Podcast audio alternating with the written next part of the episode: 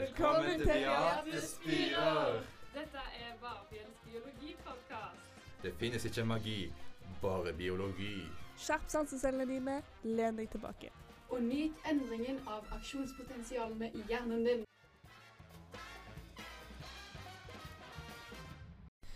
Hei, dette er da Tage, og jeg er her med en kjekk bømling som heter Andreas. Og vi har da tenkt at vi skulle snakke litt om apekatter, fordi de syns vi er ganske tøffe.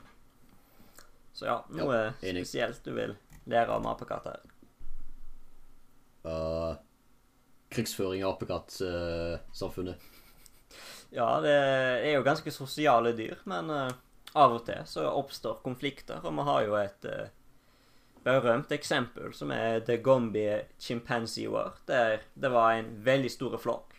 Og så døde da den ledende hannen i denne flokken, og så tok eh, da flokken har splitta seg til to grupper, da.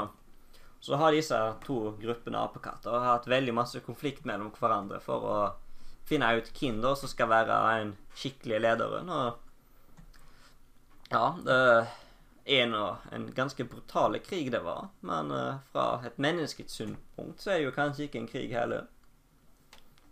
Og så er det jo noen sjimpanser nede i Afrika som ble opplært av en diktator til å bruke macheter for å beskytte slottet hans.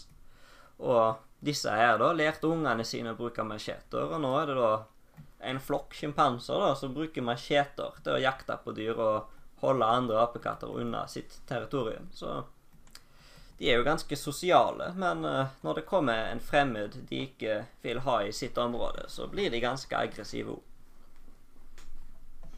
Jeg syns det er ganske ressursfulle, jeg.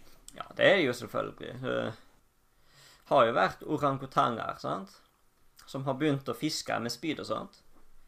Så ja, de, de lærer masse av å se på folk, og så Ja, de lærer dette til ungene sine igjen, og da blir de flinkere. Så er det òg en flokk apekatter. Jeg husker ikke hva rase det var, men når de blir sjuke, så går de faktisk og isolerer seg vekk fra flokken og eter på ei grein som vokser da i den afrikanske savannen, som da har noe stoffer i seg så hjelper de å bekjempe en bakterie som er ganske vanlig der. Så de bruker medisiner og sånn for å hjelpe seg å bli friske og isolere seg for å passe på at flokken ikke blir sjuk. Og det syns jeg er ganske spesielt og stilig. Ja, det viser at de er oppmerksomme på at eh, sykdom kan spre seg. Ja, i motsetning til en del mennesker under denne covid-pandemien her. Ja, de er smartere enn folk tror. Ja, eh, selvfølgelig. Kan du fortelle meg om styrken til en apekatt? Ja, apekatter er ganske sterke, så De har jo en mye mer aktiv livsstil enn de fleste mennesker, så De blir mer vant til å bruke musklene sine skikkelig, og så blir de jo bygd opp hver dag i hele livet deres når de klatrer rundt i trærne eller bare går på bakken nå, som gorillaer er jo ganske tunge, så de trener jo bare av å eksistere, nesten. Så har jeg hørt det at om et menneske da liker masse muskler som en sjimpanse, er sjimpansen fortsatt sterkere fordi han er flinkere til å aktivere musklene sine, siden han bruker de så masse hver dag. Ja. Så den eh, apekatten er i prinsipp sterkere enn mennesker.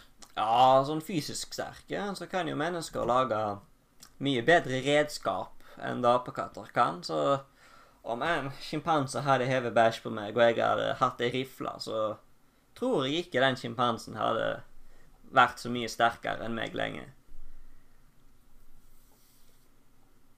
Ja, men da er det jo ikke akkurat styrke da i muskelstyrke. Ja, det er jo ikke Litt muskelstyrke, juks. sant, men har jo et par mennesker som kan ta steroider og sånt, og da tror jeg de kunne blitt like sterke som en apekatt.